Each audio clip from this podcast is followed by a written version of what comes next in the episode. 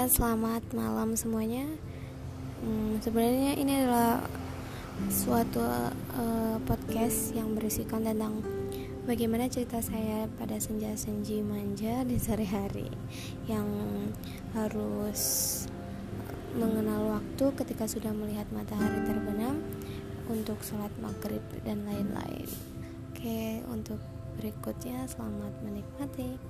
Jadi untuk hari ini cerita senjari ini aku men jadi aku hari ini pergi ke uh, mana namanya puncak sosok.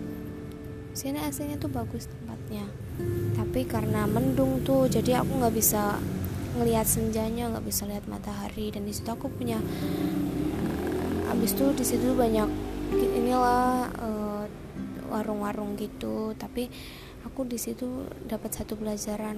Jadi untuk uh, pergi ke suatu tempat atau melakukan sesuatu itu lebih berhati-hati. Jadi kan tadi aku beli makanan tuh terus kesenggol sama teman aku jatuh deh karena aku tuh nggak berhati-hati.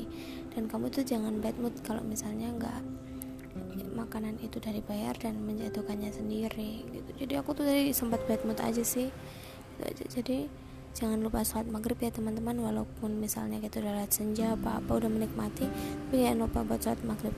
Maaf ya teman-teman. Hari ini emang agak abstrak podcastku tapi semoga ke depannya kalian uh, ini ya senang sama apa yang aku bilang di sini.